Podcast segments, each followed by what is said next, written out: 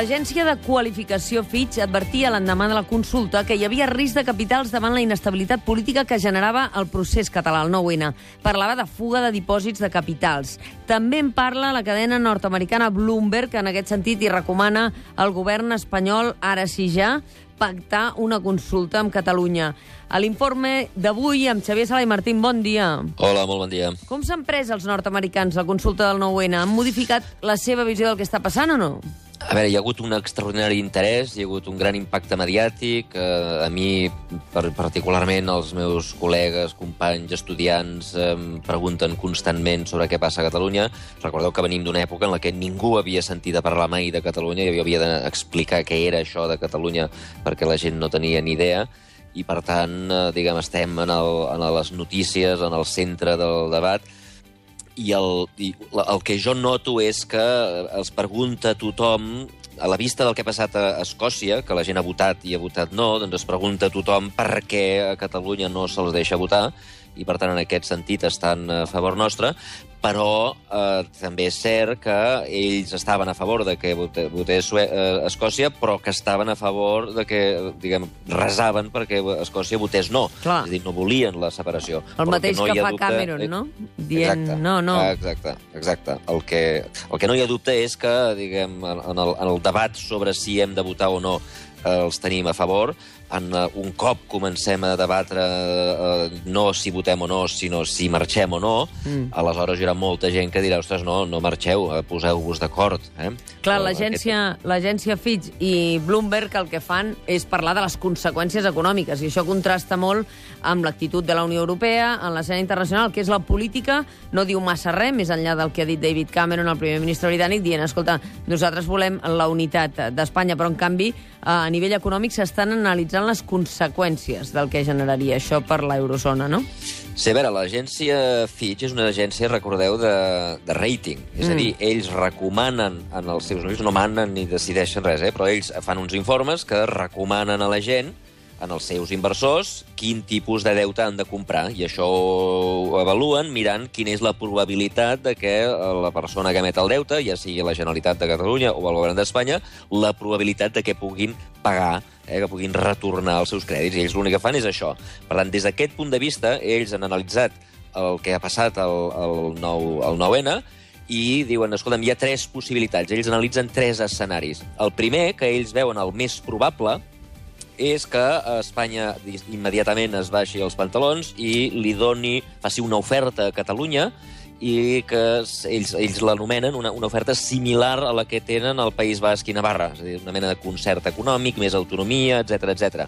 Jo crec que això indica que ells no coneixen els espanyols, però bueno, aquest és el, la, la, la part central del seu informe, i llavors ells diuen, en aquest escenari, el deute català milloraria, òbviament, perquè tindríem molts més diners, moltes més possibilitats de decidir, molts més recursos i tal, i, eh, diguem, Espanya, fi- fins i tot diuen ells que també per Espanya el deute milloraria, perquè, diu, ara Espanya, ells veuen, ara mateix Espanya té un grandíssim problema, que es diu Catalunya, i d'aquesta manera solucionarien el problema, i els inversors ho veurien com a cosa positiva. Per tant, si eh, fan una oferta de més autonomia, eh, tothom hi sortirà guanyant. Aquest és l'escenari que ells veuen més probable.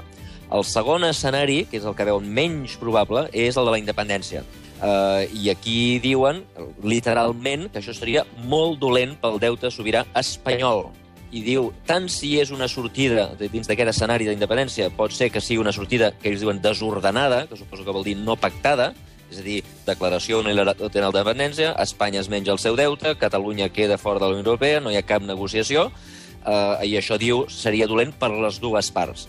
I si la sortida fos ordenada, que suposo que vol dir pactada, eh, nosaltres eh, assumim una part del deute espanyol, els espanyols no ens boicotegen a les institucions europees, aleshores això diu que seria costós per a Espanya, sobretot. Clar. Eh? Ah, Llavors hi ha el, el i el tercer tercer? escenari, el tercer escenari és l'immobilisme, és a dir, que seguim com ara. Eh? I és en aquest escenari, seguir com ara, és a dir, el Rajoy fent d'estàtua, els catalans mobilitzats, el problema es perpetua, es va fent gros, el número, els espanyols segueixen insultant, els independentistes van creixent en nombre en resposta a aquests insults, etc etc. La situació actual és la que ells diuen que és la que posa nerviosíssims a tots els inversors. I diu que els inversors i els dipositants podrien marxar dels bancs, eh, dels bancs diu en general, general, i llavors diu, en particular, eh, dels bancs catalans. És això sí. que diu Fitch de, de la fuga de capitals a curt termini si la situació continua bloquejada, no? Exactament. Ells el que diuen que és el pitjor dels mons és la situació bloquejada. Per tant, d'alguna manera, diguem, en termes de política, diguem, catalana, el que estan dient és que el qui té raó és el Junqueras, per entendre'ns, eh? perquè diu, escolta'm, s'ha d'anar ràpid, eh? en una direcció o una altra, però s'ha d'anar ràpid. El que no podem és perpetuar aquest dolor eh, constant que estem vivint ara, perquè això és, és una sangria, eh? doncs el, una mica el que fa Fitch és confirmar aquesta situació. No, no podem perpetuar aquesta situació massa estona més. Per tant, eh, resoldre-ho, i és per això que Bloomberg diu, escolti, eh, senyor Rajoy, pacti amb aquesta gent eh, poder votar i resoldre aquest problema, no? Sí, que això seria, diguem, la, la possibilitat de que hi hagi independència pactada. Recordeu mm. que hi ha tres escenaris. Per poder repartir el deute. Però pactat. És a dir, que ells diguin, bueno, fem de Cameron, eh? Mm. fem un referèndum pactat amb les condicions, i surt sí, aleshores ens negociem, negociem quina part del deute, negociem les condicions dels tractats internacionals, etc etc. I si surt no, doncs res, tot segueix com està, i llavors els espanyols hauran de fer ofertes per convèncer la gent que voti no, eh? una mica com va passar a Escòcia. I aleshores, això és Fitch, això és Bloomberg, d'aquí a que aquesta pressió eh, sobre el govern Rajoy per avançar passi al Banc Central Europeu, hi ha un món, no? Bueno, no, no sé, els, els polítics és una cosa diferent. Aquests senyors han d'opinar perquè, clar, els inversors els hi pregunten escolta'm, compro deute espanyol o no compro deute espanyol? Faran fallida aquests tios, si els catalans se'n van o no? O sigui, ells, els, els economistes, s'han de, de pronunciar, els polítics poden callar la boca i poden fer veure que no passa res, i llavors jo no, no sé, no sé què farà, no, no sé quan opinarà el Draghi, si és que, si és que opinarà sobre aquest tema. Um, el que sí que em sembla una mica, diguem, els escenaris que, dona, que donen els, que dona Fitch, a mi em semblen les probabilitats que li dona són una mica no entenen massa bé què està passant, eh?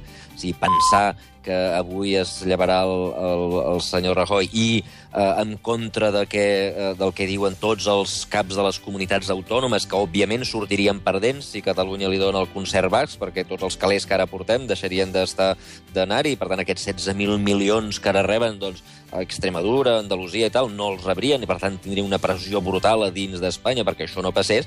A mi em sembla que això eh, Fitch no ho acaba d'entendre. Eh, això no passarà. Eh, per tant, aquest, aquest escenari tan d'alta probabilitat que ells donen, doncs a mi em sembla d'una baixíssima probabilitat. A mi em sembla molt més probable que acabem nosaltres tirant pel dret i, per tant, eh, no sé si tirant pel dret fem unes, unes plebiscitàries, sortirà que guanya la majoria, la majoria a favor o en contra de la independència, això no ho sé, però que, que els catalans acabaran tirant pel dret, eh, jo no en tinc cap dubte. Si hagués de prendre notes, com un dels seus alumnes de la Universitat de Colúmbia, el professor Salai Martín diria si és l'hora dels adeus, com diu el seu llibre, els mercats diuen que sigui ràpid i a ser possible pactat. És Exacte. això, no? Exactament. I, i, I, de fet, la conclusió del meu, del meu llibre és que serà pactat, eh? perquè un cop vegin que és inevitable i tal, eh, i que, i que se'ns n'anem sí o sí, eh, els interessarà molt eh, a ells negociar. De fet, ells, a dins de l'escenari de què marxem, diu que la gran catàstrofe per a Espanya és si marxem de manera desordenada, mm. eh? perquè llavors ells s'han de menjar el deute, i això sí que seria una enorme catàstrofe. I això és exactament la, la meva teoria, de, de la teoria del meu llibre, eh? com que serà una gran catàstrofe per ells si marxem de manera desordenada, perquè es hauran de menjar el deute, no el podran pagar, faran fallir dels seus bancs, Alemanya els haurà de rescatar, i serà una catàstrofe per tothom, doncs aleshores, en el moment clau, quan ells vegin que ja no hi ha marxa enrere, aleshores diran, bé, sentem-nos eh, i parlem de la mateixa manera que el pare, després d'amenaçar el seu fill, dient-li que el fotrà fora de casa si se'n va amb aquella noia que a ell no li agrada, doncs al final s'ha de menjar la decisió del nen i li diu, escolta'm, queda't i, si plau, sobretot vine els diumenges a fer la paella, perquè si no el qui surt perdent sóc jo, que no et veuré mai més. Professor Zelai Martín, moltes gràcies. Quin temps fa per aquí a Nova York?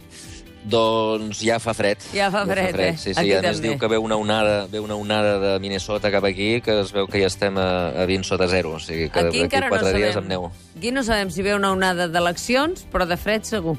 De fred segur, molt bé. Que vagi bé, gràcies. Vinga, adeu. Adeu.